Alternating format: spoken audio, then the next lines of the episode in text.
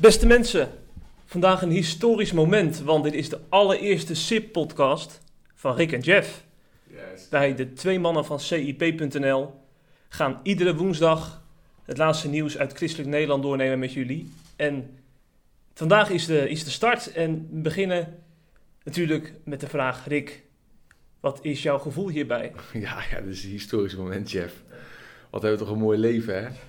We gaan toch proberen de, de meest spraakmakende en leuke en nieuwswaardige podcast van Christelijk Nederland te maken. Ziet een beetje als Voetbal International. Hè? Twee mannen aan een tafel die niet praten over voetbal, maar over het christelijk wereldje, wat er allemaal gebeurt. Ja. Dus ik hoop dat het net zo populair wo- wordt als eh Voetbal Insight, want zo heet het, Ja. hè? niet Voetbal International. Dat is toch je favoriete programma, of niet? Ja, ja ik, ik kijk er elke week met plezier naar. Met Johan Derksen. En ik heb natuurlijk ooit dat historische artikel geschreven wat christenen van Voetbal Insight kunnen leren. Dus nou is te hopen dat de Voetbal Insight ook van de SIP-podcast kan leren natuurlijk. Ja, lachen man. Ja, Hey, maar even voordat we beginnen, Jeff. Je bent op vakantie geweest klopt. in Normandië. Hoe was dat? Ja, dat was echt genieten. Gewoon een weekje zonder telefoon, alleen met je vrouw weg. Dat is toch wel eh, echt voor herhaling vatbaar. Is het zo bijzonder omdat je met je vrouw ging of zonder je telefoon? nou, vooral dat laatste denk ik. Ja? Ja, want ik ben, ik ben eigenlijk met twee, eh, met twee personen getrouwd. Mijn iPhone en eh Neline. Oh man. Ja, Maar even, even zo meteen over die telefoon. Maar eh, je bent naar Normandië gegaan, een hotel. Ja, er was een appartementje midden in een stadje, dat heette Bayeux in Normandië. En eh, gewoon met een hele grote kathedraal voor ons, leuke restaurantjes, of een paar meter lo- afstand lopen. Nou, lekker man. Ja, dat Wat was was heerlijk. het hoogtepunt? Dat was het bezoek aan de stranden. Want eh, ik heb me verdiept in de Tweede Wereldoorlog. En ja, als je dan zeg maar dat doet en je gaat naar die stranden toe, je staat op een Duitse bunker. Ja, dan zie je het gewoon echt voor je. Dat was echt, echt een heel raar gevoel. En dat je natuurlijk ook denken aan wat Oude nu altijd zegt hè, over D-Day en V-Day. Ja, Dames en heren, bij D-Day, toen was de vijand al bijna verslagen, maar nog, nog niet echt. En bij V-Day gebeurde dat pas echt, de echte overwinning. precies. Op die toon, ja. Op de metafoor hè, van dat Jezus, ja, Jezus heeft... De overwinning is al behaald, maar we zien het nog niet altijd. V-Day is nog niet daar. ja. Nou, ik heb echt serieus daar Goede Vrijdag echt beleefd. Ja? Ja, want we hebben pas Goede Vrijdag gevierd. Maar voor mij is dat een beetje een herhaling van zetten. Van je gaat avondmaal vieren en je gaat met elkaar eh, in een kerkgebouw zitten. Maar daar, als ik dan daar op die, op die stranden ben, dan heb ik echt zo'n Goede Vrijdag gevoel. Want die mensen hadden een, hadden, eh, een opdracht om mensen te bevrijden. En die wisten van tevoren, dit gaat levens kosten. Ja. Zoals Jezus dat ook wist. Dus ik had echt een Goede Vrijdag gevoel daar. Nou, mooi. En je ging ook als, zonder je telefoon, hoe was dat dan? Ja, dat was een heel... eh, Je gewoon echt je telefoon niet meegenomen. Ik weet het, want ik, ik kon je ook niet appen. Ik kon alleen je vrouw eh, contacten. Nou, ik had er wel meegenomen, maar hij stond uit. Want voor het, in geval van nood moet je natuurlijk wel eh, aan kunnen zetten. Ja. Maar hij stond heel de week uit. En hoe is, dat, hoe is dat geweest dan? Ja, dat was heel, heel, heel raar, want het is net alsof je in een nieuw leven binnenstapt. Want ik leef echt met mijn telefoon. Hey, ik check het als ik, als ik thuis kom, als ik wegga, als ik, als ik even niks te doen heb. En nu, nu ga je gewoon een boek pakken of zo. Of je gaat een goed gesprek voeren. Of, eh, Je bent net zoals ik een beetje verslaafd aan je telefoon. jawel, ja, dat kun je wel zo noemen. Met name aan Twitter. Ik scroll, ik scroll heel, de, heel de dag door. Mensen, Twitter, at Jeffrey Schipper. at Jeffrey Schipper. Juist. Ja, maar ik kan me wel voorstellen dat het heel lekker is. Ik, ik ben ook soms, als ik een boek moet lezen, dan moet ik mijn telefoon ook echt serieus ver wegleggen. Anders zit ik gewoon onder de pagina op mijn telefoon. Of ik heb ook eh, Facebook eraf gegooid. Ik heb Facebook niet verwijderd zoals Arjen Lubach. Ja. Maar ik heb wel Facebook van mijn telefoon gehaald als app in ieder geval. Trouwens ook nws.nl. Omdat je gewoon helemaal verslaafd wordt Ja. aan, eh, aan al die apps. ja, precies. Aan de andere kant kunnen, kunnen, kan ik ook niet zonder Facebook, al is het professioneel met CIP. Ik bedoel, ja, we kunnen ook niet van Facebook afgaan. Dus wij niet, want we halen daar nieuws vandaan. En zou je trouwens zonder je werk, eh, als je niet dit werk zou hebben van CIP, zou je dan eh, van Facebook af zijn gegaan? Zoals Arjen Lubach heeft gedaan en een paar anderen. Nee, zou ik niet doen. Waarom? Eh, ja, ik, ik, vind, ik, ik, ben, ik wil toch een beetje op de hoogte blijven. Ik, zie- zie het ook een soort verjaardagskalender. Zonder Facebook zou ik gewoon al die verjaardagen vergeten. Ik krijg elke, elke dag zo'n melding van puntje, puntje is jarig, weet je wel. En ik, ik zie leuke fotootjes voorbij komen. En ik, ik, het is echt maar de enige manier om mijn familie een beetje op, op, eh, op de hoogte te houden. Van, van, van jubileum en van een leuk restaurantje waar ik geweest ben. Ik heb anders nooit contact met ze. Ja. Dus ik ben ook echt afhankelijk van Facebook. Maar je vindt niet dat Arjen Lubach en consorten een punt hebben rondom die privacy dingen? Ja, ik vind dat ze daar zeker een punt hebben. Want als ik die uitzending van eh Arjen Lubach goed begrijp... zijn zij gewoon de grote speler op dat gebied en gaan ze ook echt wel grenzen over door, eh, op, eh, door, door echt privacy te schenden. En ook mensen te blijven volgen, ondanks dat je gewoon geen Facebook-account meer hebt. Ja. Dus ik vind wel dat ze een punt hebben, maar ik, ik, ik- het is voor mij geen aanleiding om, om eh, mijn account te verwijderen. Ik ben daar heel eerlijk in. Want er waren ook wat christelijke bloggers en vloggers of zo die eh, wat reacties hadden gegeven. Ja, Wouter van der Toren die had een, eh, een blog geschreven. En, Dat was zijn punt. Nou, zijn punt was met name dat hij Facebook echt als een middel ziet om, om, om ook zeg maar, zijn boodschap kwijt te kunnen aan mensen. Dus dat het echt voor hem een brug te ver is om, eh, om zijn account te verwijderen. Maar hij heeft wel ook tips gegeven hoe je dan zo goed mogelijk eh, over je privacy kan waken. Ja. Ja, Ja, ik zag ook van Karel Smouter een hele Facebook-post, ook op de correspondentenstuk, Eh, over dat, eh, waarom hij niet van Facebook was afgegaan. Hij maakte zich wel degelijk zorgen, maar aan de andere kant zei hij, ja, moet je eens kijken wat social media in positieve zin heeft opgeleverd. Kijk naar de Arabische lente, ook al is het uiteindelijk geen lente geworden, maar ik bedoel, er zijn natuurlijk heel veel positieve dingen te zeggen Ja. over Facebook, crowdfunding. Eh wij hadden natuurlijk tijd, eh, een paar jaar terug, die vluchtelingenkerk. Nou, dat werd enorm veel gemobiliseerd via Facebook.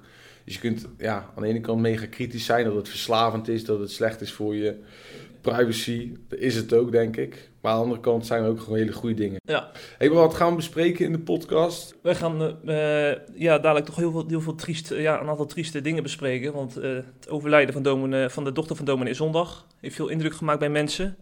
We gaan het ook hebben over eh Elbert Dijkgraaf natuurlijk. Die is vorige week eh, gestopt als SGP-Kamerlid.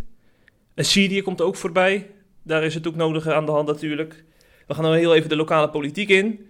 En eh, we gaan ook nog eh, positief eindigen natuurlijk. Want eh, we gaan, eh, ja, maar dat is misschien een beetje als verrassing houden. Ja, houden we als verrassing. Maar we moeten het binnen de 30 minuten doen, hè, hebben we afgesproken. Laten we even met dominee, Zon, of, eh, dominee Zondag beginnen. Wat is het nieuws erover? Nou, het, is, het nieuws is dat maandagmiddag eh, zijn 14-jarige dochter om het leven is gekomen bij een ongeluk. Zij eh, eh, is onder een bus terechtgekomen. En eh, ze was op weg naar school, begreep ik.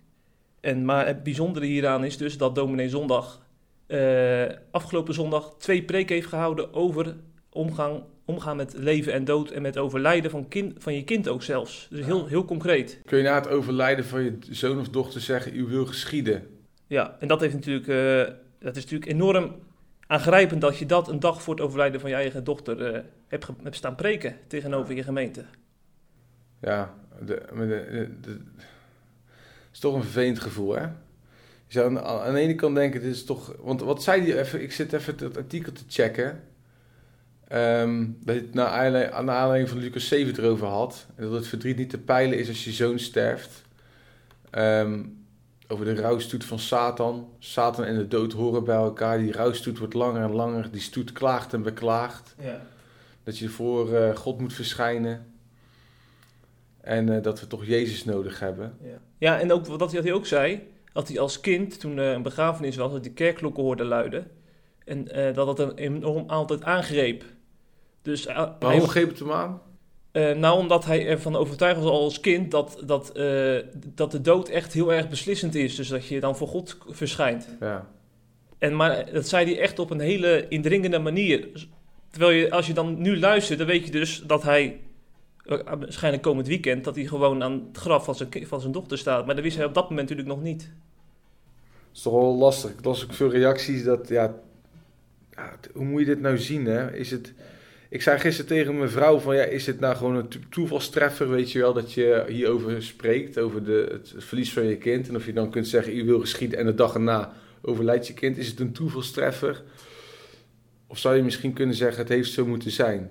Nou, jij, en ik hebben natuurlijk in de loop der jaren van, namens CIP heel wat dominees gesproken. En ze hebben natuurlijk heel vaak gezegd van, wij bidden om Gods leiding voor wij de kansel opgaan op zondag. Hè? En ik, moet, ik denk dat we dat in dat licht wel moeten zien. Van, eh, dat, dat, ze, dat God ook wel gewoon woorden geeft om, om je preek te vullen. En dat dat ook geen toeval hoeft te zijn. En ik denk dat dit echt ja, een soort van eh, een voorbereiding is geweest op, op die maandagmiddag. Denk ik. Ja, maar goed, wat heb je daaraan, Jeff? Ja, Op, ja, ah, voorbereiding, ja. Of voor- voorbereiding op zoiets verschrikkelijk. nee, daar kun je niet op voorbereiden. Daar heb je helemaal gelijk in. is toch echt serieus bizar. Ja. Ik zou echt, eh, ja, om in, in zijn woorden, in die terminologie te blijven, ik zou misschien wel echt des duivels zijn op God. ja. Het is allemaal leuk dan dat ik daar toevallig dan, Ja. als ik dominee zonder zou zijn, met alle respect, maar dat ik daarover zou preken. En dat ik ook dat zou hebben gezegd, ja, dat is dan achteraf gezien heel mooi. Maar als het dan je overkomt, de dag erna, dat het eigenlijk uitkomt wat je zelf hebt uitgesproken in zekere zin. Ja. Dan scheurt je hart toch. Zeker. Jij hebt drie kinderen, hè? Ja. Stel je nou voor dat dat... dat ja, dan, dan ga je ook zo... Ik denk dat het ook zo... Het is gigantisch zo gelezen. Dat mensen zich ook voorstellen... Wow, wat als ik nou dominee zondag zou zijn? Of ik zou de moeder zijn van die lieve dochter. Ja, dan, eh, ja, dan kun je gewoon niks zeggen. Ja. Stilte. Stilte is het enige wat dan eh, Ja. op zijn plaats is. En dat brengt dus ook bij... eh, bij wie? Bij, hij verwees in zijn preek ook naar staatssecretaris Blokhuis. In diezelfde preek. En eh, die heeft dus eh, een maandje geleden hetzelfde meegemaakt. Zijn 18-jarige dochter is eh, overleden aan een auto-immuunziekte. En eh, hij heeft vorige week heeft hij een emotioneel interview gegeven. Die heb jij opgepakt. Ja, in de Volkskrant had gezegd dat hij intens verdrietig is. Dat, eh, dat ze nog altijd huilen om de gigantische klap. Ja, Maar dat ze niet boos zijn. Niet op de arts of op God. Maar dat die eh, boosheid ongericht is. En dat vond ik wel echt, ja, ik kreeg ook wel een brokje in mijn keel hoor, toen ik dat las. Omdat hij eh, vertelde dat hij toch, nou, dat zijn geloof toch wel echt een knauw heeft gekregen door eh, wat er gebeurd is. Ja.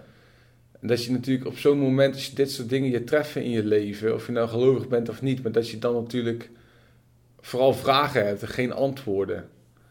En ehm, ja, hij was toch wel hoopvol. Hij zei ja, toch, eh, eh, God heeft een groter plan dan wij kunnen doorgronden. En ondanks alles vertrouwen we toch in God en vertrouwen we op God. En dat vond ik wel echt, ja, ik denk van wauw, dat is wel heel bijzonder. Ook omdat je natuurlijk eh, zo'n positie hebt als staatssecretaris. ja, En als je dan zo persoonlijk eerlijk kan vertellen van ja, ik heb vooral heel veel vragen, ik heb wel boosheid, ik ben niet boos op God, het is ongericht. Ja, dat, dat maakt toch wel impact. Omdat je, ja, je voelt dan denk ik die, die ambivalentie van ja, soms treffen ons dingen in het leven en we weten gewoon niet waarom. Ook al kunnen we er van alles over zeggen vanuit ons geloof. En maar toch weet ik ermee te dealen. Mhm. En dat is denk ik knap. Ja, dat ja. als dingen je treffen in het leven en die zijn heel erg moeilijk, dat je dan rust kunt hebben, ondanks dat je dus niet de antwoorden hebt op waarom die dingen dan gebeuren, die Ja. jou zoveel verdrietig, eh, die jou zo verdrietig maken of zo boos maken of zo hopeloos. ja, ja. Dat is denk ik de, ja, niet de kunst, maar ik denk dat dat belangrijk is voor ons om eh, na te streven. Dat je niet altijd op zoek moet gaan naar antwoorden van waarom doet God nou dit of waarom doet God dat of waarom laat hij het op zijn minst toe. Dat je stilstaat, eh, hoe kan ik ondanks dit alles er toch mee dealen? Ja, ja, zeker. Waar Albert Dijkgraaf mee moet dealen is een heel andere kwestie. Want hij heeft eh, eh, huwelijksproblemen, heb ik begrepen. Ja. En nou is het zo dat jij daar ook een bericht over hebt gemaakt vorige week. Maar laten we allereerst even positief beginnen. Het is wel heel knap toch dat iemand dat zo openlijk zegt. En dat hij open en eerlijk is over het feit dat hij problemen in zijn huwelijk heeft. En dat de balans tussen werk en privé niet meer op orde is. En dat hij om die reden de kamer verlaat. Dat is, ja, dat is, ik, volgens mij, dat, dat, zei, dat zeiden ook heel veel mensen op social media, dat het echt ongekend is dat iemand zo eerlijk en open dat vertelt. Ja, Jeroen Pauw was ook positief daarover. Ja, tuurlijk. Dat, en, en, hij, en ik denk, Albert Dijkgraaf ehm, is natuurlijk een enorm fijn persoon. Ja. We hebben hem regelmatig gesproken in de afgelopen jaren. Ik volgens mij wat minder dan jij, maar een fantastische kerel. Authentiek. Authentiek. Hij is altijd zichzelf. We hebben ook bij Ponet. Ik, ik heb het meeste van hem genoten, zoals denk ik veel mensen, als hij voor de camera stond van Ponet. Ja, ja, absoluut. Gewoon authentiek persoon en die echt zichzelf is en ook een hart heeft voor de samenleving, voor de mensen. En niet echt alleen zijn eigen standpunt of die van de SGP, maar gewoon die in mijn optiek echt het beste voor heeft met het hele land. En die dus ook politiek bedreef wat partijoverstijgend is. En dat vond ik altijd sowieso bij de SGP. Ook bij de ChristenUnie, dat die mensen, die kijken niet alleen maar naar hun standpunten. Die kijken ook gewoon naar wat kunnen wij ook betekenen voor de mensen die misschien niet onze standpunten Ja. hebben. Dus ik denk dat die echt geliefd is in Den Haag. Ja, Dat hoor je ook wel veel. ja, precies ja. Jij hebt ook nog gebeld met de SGP-voorlichter en daar is jou wat opgevallen in dat gesprek? Ja, nou, het was dus zo. Kijk, ik, ik had eigenlijk de vraag van... eh, ik zag op social media dat, dat iedereen eigenlijk ervan uitging... dat hij uit de Kamer ging om zijn huwelijk te redden. En dat werd natuurlijk als een soort heldendaad gezien. Maar ik had opgevangen dat het dat het, uh, het frame dat ontstond van hij gaat uit de kamer om uh, zijn huwelijk te redden, dat het eigenlijk niet de werkelijkheid was. Want laat het nu even voor nu in het midden hoe het zit, maar ik had gehoord dat hij gewoon al lang in de scheiding ligt. -hmm.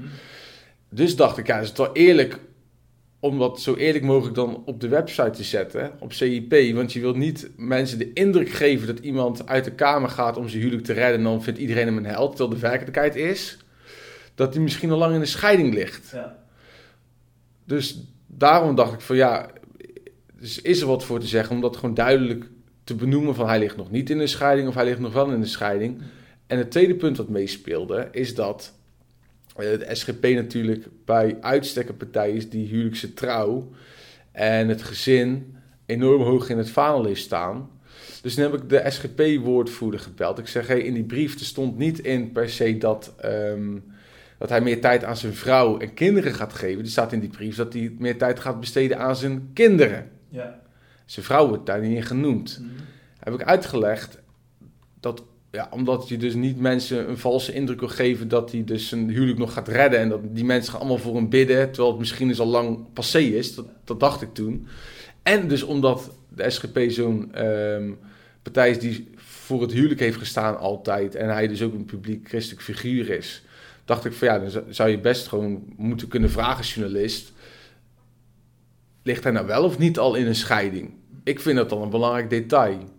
En toen de SGP-woordvoerder meneer Proos heet hij. Hele aardige man.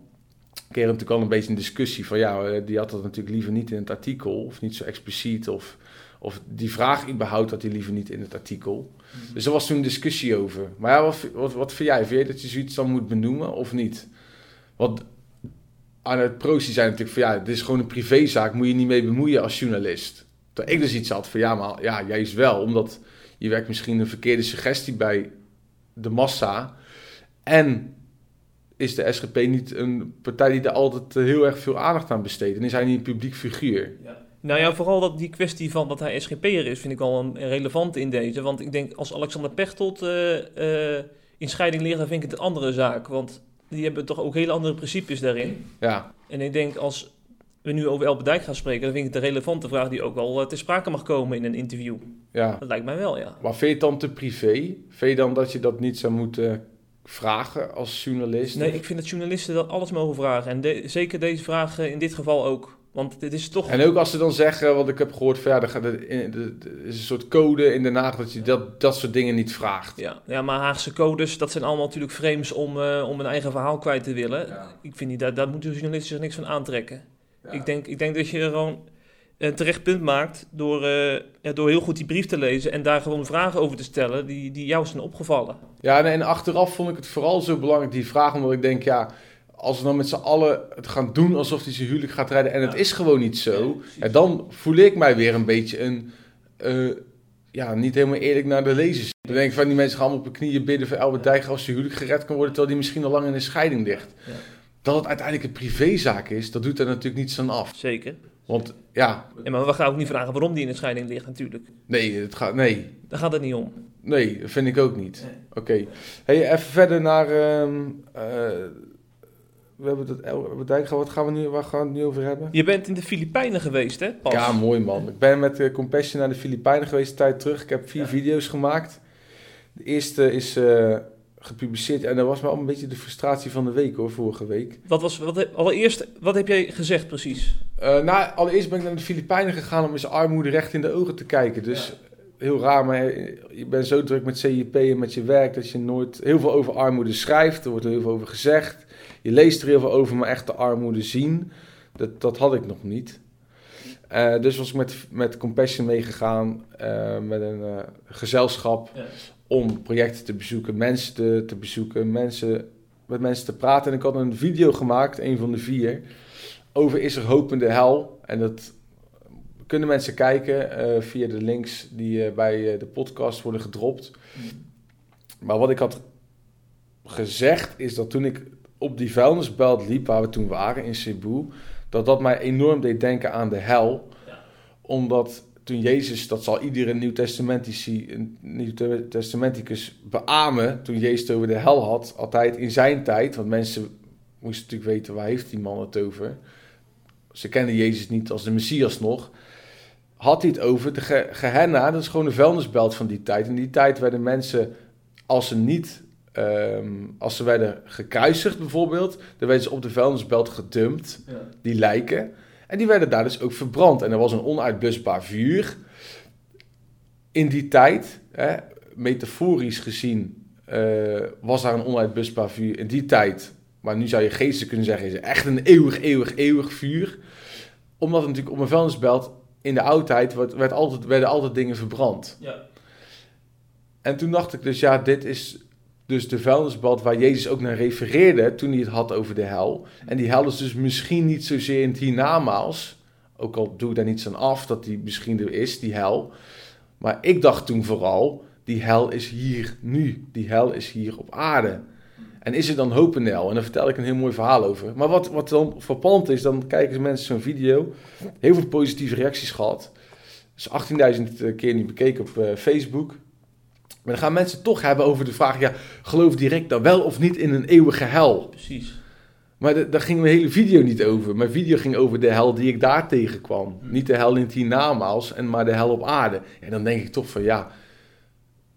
Moet je nou allemaal gaan reageren over het feit dat ik een metafoor gebruik? Is er hoop in de hel? En ik, ik, ik, ik gebruik de hel dan als een beeld van de held hier op aarde. En dan gaan mensen met z'n allen discussies voeren of ik nou wel echt in de hel geloof in het hiernamaals. En of die hel dan wel of niet eeuwig is. Ja, ja, ja. Ja, dat is frustrerend. Dan denk ik, ja, de- kijk nog even een keer die video. Daar, daar wil ik het helemaal niet over hebben. Ja. Ik wil het hebben over de hel hier op aarde. Heb jij bewust zeg maar, voor het woordje hel gekozen? Want je zou ook natuurlijk kunnen zeggen van, is er, eh, is er hoop in de duisternis? Had je ook kunnen zeggen. Nee, nee, maar ik dacht, ja, dit is wat ik echt dacht. Dit is hoe ik het echt voelde. En zo wil ik het ook echt noemen. Als ik denk, ja, dit, dit, de, soms kom je op plek op aarde. En daar was ik dus. Dat het gewoon echt een hel op aarde is. En ik denk dat, en dan ga ik niet het verbloemen of het politiek correct maken van voor die paar christenen die dan allemaal irritante berichtjes gaan posten op Facebook. Maar goed, ja, dat, dat vond ik wel jammer. Ik ben wel blij met alle positieve reacties van alle mensen die eh, wel echt enorm doorgeraakt zijn. Omdat het verhaal, bekijk vooral de video, gaat dus over de vraag, ja, kun je dan op zo'n plek, als je daar ook echt woont, kun je daar hoopvol leven? Ja, mooi. Hey, even over Syrië, want daar had jij wat frustraties over of wat dingetjes. Wat is er aan de hand? Ja, nou, eh, het is dus zo dat eh, drie westerse landen die hebben eh, vorige week eh, tientallen raketten afgevuurd eh, op Syrië. Wel een precisieaanval. Maar ik was er heel erg inderdaad gefrustreerd over. Omdat eh, wij als westerse landen toch heel erg zijn van, eh, eh, zeg maar, eh, de koninklijke weg bewandelen. Hè? Dus VN-resoluties indienen. Eh, eerst onderzoek laten doen of wel iets, echt iets gebeurt. Want de vraag was dus, is er wel of geen gifgas gebruikt door Assad, de Syrische president, om zijn bevolking eh, om zeep te helpen. En nou heb ik dus begrepen dat ze al die aanval hebben uitgevoerd voordat er onafhankelijke onderzoekers in het land waren om die aanval te onderzoeken. En dat ze dus eigenlijk daar gewoon, die, die, die stap zijn ze gewoon voor geweest door die raketten af te vuren. En ik vermoed gewoon dat zij een reden hebben gezocht om eens van zich te laten horen. Want het Westen heeft steeds minder invloed in het Midden-Oosten. Rusland die, eh, die, eh, is de grote speler geworden, samen met Iran en Turkije in, in, eh, in Syrië. Dus ik vermoed dat daar gewoon hele politieke spelletjes achter Ja, zitten. dus, ja, maar jij vindt dus eigenlijk, zal eerst onderzoek moeten doen. Ja, Maar dat is natuurlijk onrealistisch, want ja, je kunt natuurlijk niet, zo'n onderzoek duurt een paar maanden. En je gaat toch ook geen raketten sturen, dat, er komen de eerste twee maanden onderzoekers van de VN. En die moeten dan eerst het land uit. En pas dan drukken we op een paar knopjes om eh, raketten te, te sturen. maar waarom is dat onrealistisch dan? Ja, nou ja, ik, ik, zou wel, ik snap wel dat het de koninklijke weg is, dat dat het, eh, het meest ideaal zou zijn om zoiets te vergelden eh, of recht te zetten. Maar ja, praktisch werkt het natuurlijk nooit zo. Of je dat nou wil of niet. Dat denk ik ervan. Ja, maar dat vind ik dus heel krom. Want wij gaan dus altijd eh, met onze mensenrechtenagenda gaan wij Rusland zeg maar, de spiegel voorhouden als zij wel eh, eh, op deze manier aanvallen. En dan doen wij het zelf. En dan vinden wij het raar dat Rusland daar kritiek op heeft. Ja, nee, daar heb je ook zeker een punt. Ja, Ja, ja. ja daar heb je zeker wat te zeggen. En ik, wat heb ik ook gehoord erover dat... mogelijk ook die aanval die toch vooral geïnitieerd werd vanuit Donald Trump... dat dat ook een manier is natuurlijk om zijn interne struggles nu met... Ja. eh, ja dat zal ook meespelen. de hele Russia-gate eh, een beetje te verbloemen. Dat het afleidt ook van zijn, eh, zijn advocaat die nu is opgepakt. En alle communicatie tussen hem en zijn advocaat ligt nu bij de FBI. Je hebt natuurlijk die zaak met die pornoster die een affaire heeft gehad.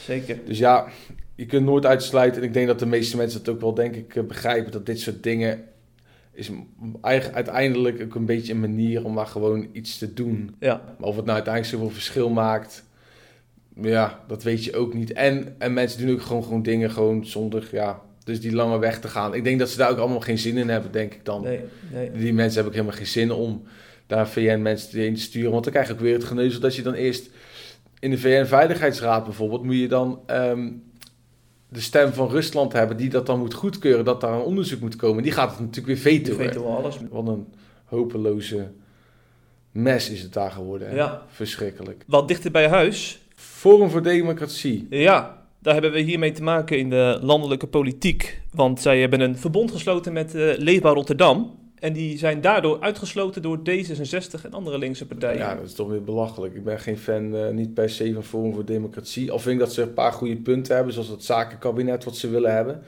Dus ze willen uiteindelijk mensen iets laten doen op een post waar ze ook echt goed in zijn. En niet dat je iemand eh, die recht heeft gestudeerd, minister van Economische Zaken maakt. Dat, dat soort dingen gebeuren natuurlijk veel. Maar dan zo'n partij gaan uitsluiten. Hè, ik ik ben ook niet echt eh, altijd fan van ze.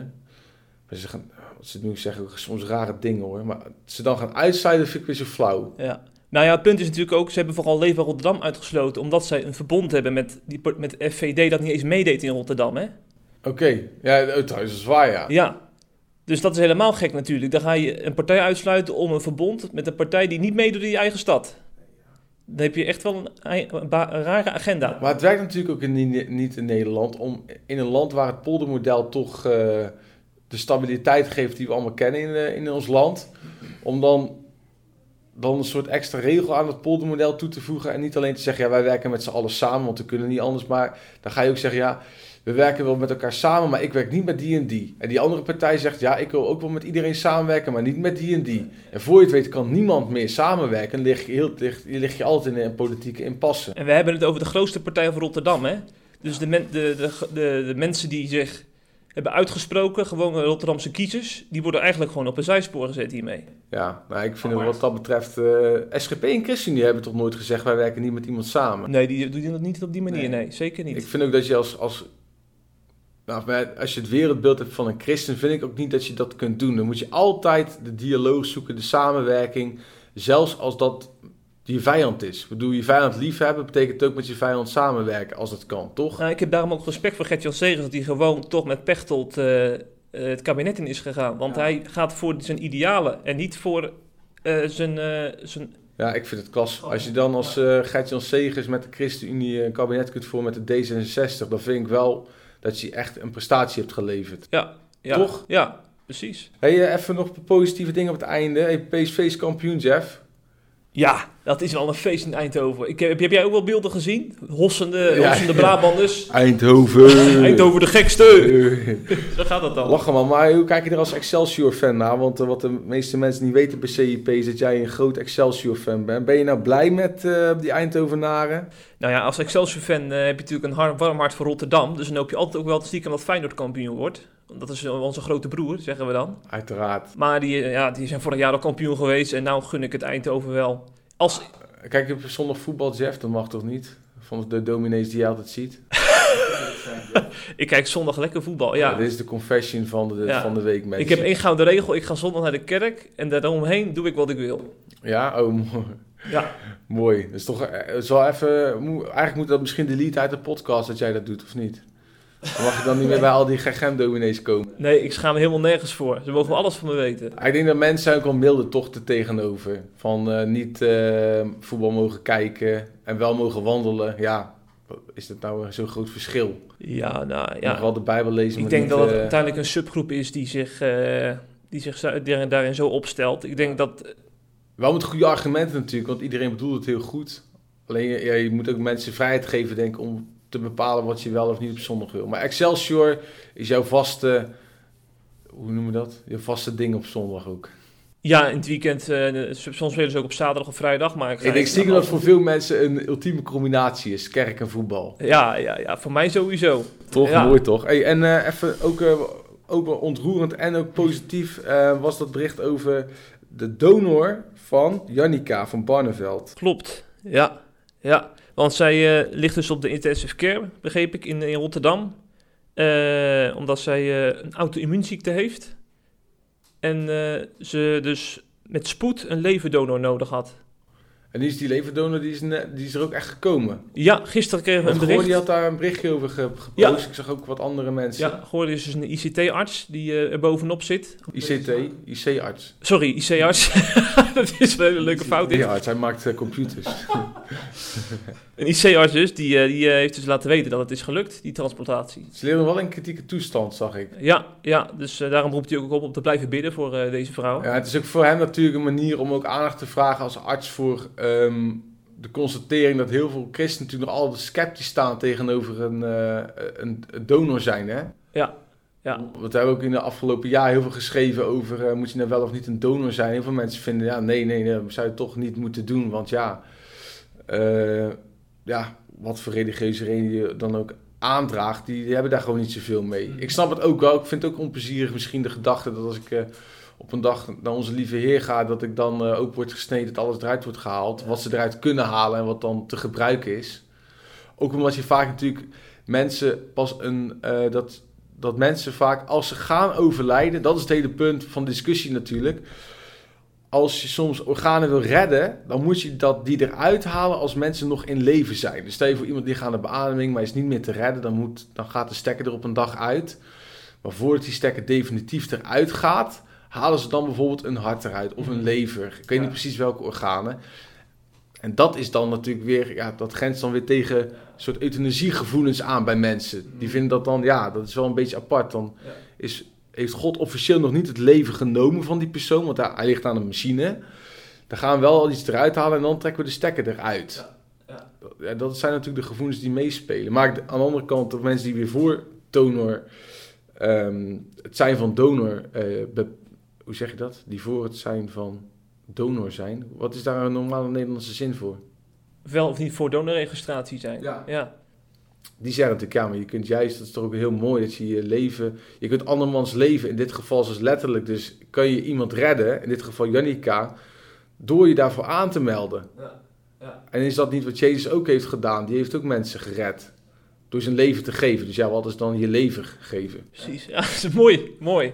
Je kan zien dat je al eh, een tijdje bij SIP eh, meedraait. Ja, die mooie, mo- mooie one-liners. Hey, nog even tot slot een mooi verhaal. Ik moest nog denken aan je telefoon. Hè? Dat, eh, dat je zonder telefoon op vakantie was gegaan. Nou, ik was dus na, na terug van de Filipijnen. Ja. Nog een mooi verhaal. Ik, eh, ik had dus mijn telefoon. eh, nou, ik ben dus ook verslaafd aan mijn telefoon. Dus dat ding hartstikke belangrijk voor mij. Ik zeg het met eh, schaamte. Ik krijg ook rode wangen ervan als ik over praat. Dat ik zo verslaafd ben aan mijn telefoon. Ik ging in ieder geval fitnessen. Ik met mijn vriend David in de auto. Wij, eh, hij zet een, een leuk liedje op. Eh, wij komen aan bij de fitness. Eh, ik denk, nou prima. We gaan naar binnen. Naar binnen. En ik, had, ik had even mijn jas in de auto gelegd. Hij ook zijn jas in mijn auto gelegd. Want ja, dan hoef je minder spul naar binnen te nemen. Wij fitnessen, wij komen terug. En ik had dus een soort van nog een halve jetlag van die reis naar naar de Filipijnen. En ik stap in de auto en mijn podcast gaat aan. Dus ik denk, oh mooi, mijn telefoon is er. Want ik was even mijn telefoon kwijt. Waar is mijn telefoon nou eigenlijk? Ik denk, nou, hij schiet automatisch aan. Dus hij ligt hier in de auto. Ik denk, hij ligt achterin. Of uh, David had hem vastgehouden gehad. Hij ligt uh, in een rechterpartier waar David zat, naast me. Ik denk, niks aan de hand. Dus wij in de auto, wij natuurlijk een beetje oude hoeren over dat fitness. En over wat er allemaal gebeurd is in het leven. Beetje uh, oude jongens krentenbrood. Wij in de auto. En ik zeg, David, waar is mijn telefoon eigenlijk? Want ik had mijn telefoon nodig. Ik wil een liedje opzetten. Ik zeg, bel me eens even. Dus hij belt me. Wij rijden inmiddels gewoon 80 km per uur. En die telefoon is nog, uh, die gaat af in mijn auto. Ik denk, niks aan de hand. Mijn telefoon die zal dus wel achterin liggen. Dan moet ik maar even wachten met dat liedje opzetten. Dat komt dan wel. Ik heb hem afgezet. Ik rij weer naar huis. Ik kom thuis. Ik denk, ik moet mijn telefoon natuurlijk hebben. Dat is het eerste waar je denkt als je uit de auto stapt. Hè. Ik moet mijn telefoon hebben. En mijn rugtas met, uh, met fitness spul, dat is natuurlijk veel, veel minder belangrijk. Dus ik ga mijn telefoon zoeken. Ik denk, ja, maar die moet die, die moet die zijn. Want net is hij aangesprongen in de auto. En toen, toen uh, we weet ik, voor 80 km per uur reden ook. Dus ik roep heel gefrustreerd naar mijn vrouw. En ik denk, als ik hem kwijt ben, dat heeft David hem kwijtgemaakt. Want die heeft hem als laatste vastgehaald. Dus ik, ik roep naar mijn vrouw uh, van buiten naar binnen. Hey, kijk eens even met die, uh, met, die, met die app waar mijn iPhone is. Zegt ze in één keer. Kijkt ze op, uh, zoek mijn iPhone. Zegt ze, die ligt op de snelweg. Ik denk, nee. Hoe kan dat nou, man? Ik word helemaal kwaad op David. Ik denk, die heeft hij als laatste vast gehad. Die heeft hij waarschijnlijk gewoon op mijn dak gelegd. Oh. Toen we eh, even onze jassen, weet je wel, soms dat doe je wel eens. Ja. Je doet je jas uit, leg even telefoon op het dak. Je doet die jas in de auto, je doet de portier dicht, dan pak je je telefoon weer en dan ga je naar binnen. Ik denk, dat was David ook van plan, maar die heeft, die heeft ja, dat is de enige optie, die heeft die telefoon op mijn dak gelegd.